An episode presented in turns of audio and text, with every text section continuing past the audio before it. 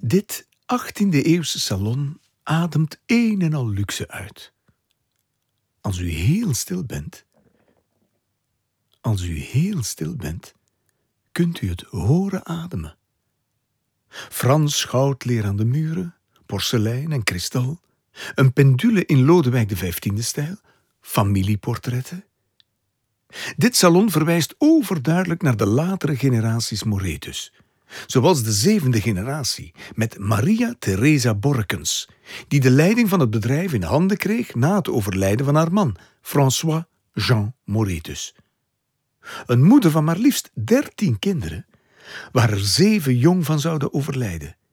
Dit tot haar groot verdriet en uiteraard ook het verdriet van haar dienstmeisjes die de kinderen mee zagen opgroeien.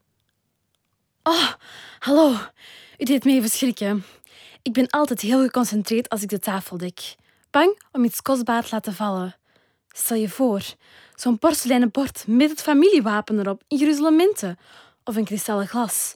Oei, dit glas is niet helemaal proper. Zo. Ik dek de tafel, want madame komt vanavond terug van zakenreis. Ja, zij leidt de drukkerij nu. Want haar man, meneer Moretus, is een paar jaar geleden gestorven. Sommigen zeggen van uitputting, omdat hij en mevrouw dertien kinderen hebben. Maar dat van die uitputting, dat moet je niet geloven, ze. Moet je nu eens iets weten? Van die dertien kinderen, hè, zijn er al zes gestorven. Och, arm. Gisteren nog één.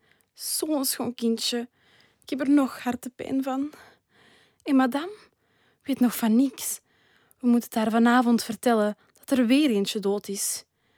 Gelukkig hebben ze er een paar op reserve. Oh nee, dat had ik beter niet gezegd. Moet mijn mond leren houden. Hè. Het is de laatste tijd al moeilijk genoeg geweest. De Spaanse koning heeft al onze privileges. Privi... eh, ja, eh, we mogen niks meer voor hem drukken, heb ik gehoord. Madame heeft mensen moeten ontslaan. Goede mensen. Echt erg. Ja, de drukkerijnood en veel een kleine dood. Dat rijmt. Oei, ja, sorry. Sorry, dat was niet de bedoeling. Sorry. Pas op. De familie heeft nog veel geld, hè. Heel veel geld. Kijk maar naar dit salon. Dat is gewoon leer. Moeilijk om te kuisen. En de pendule aan de muur. En je weet hoe laat het is. Ah ja, dat is een klok. Maar geld maakt niet gelukkig. Dat is zo. En dat zal altijd zo blijven.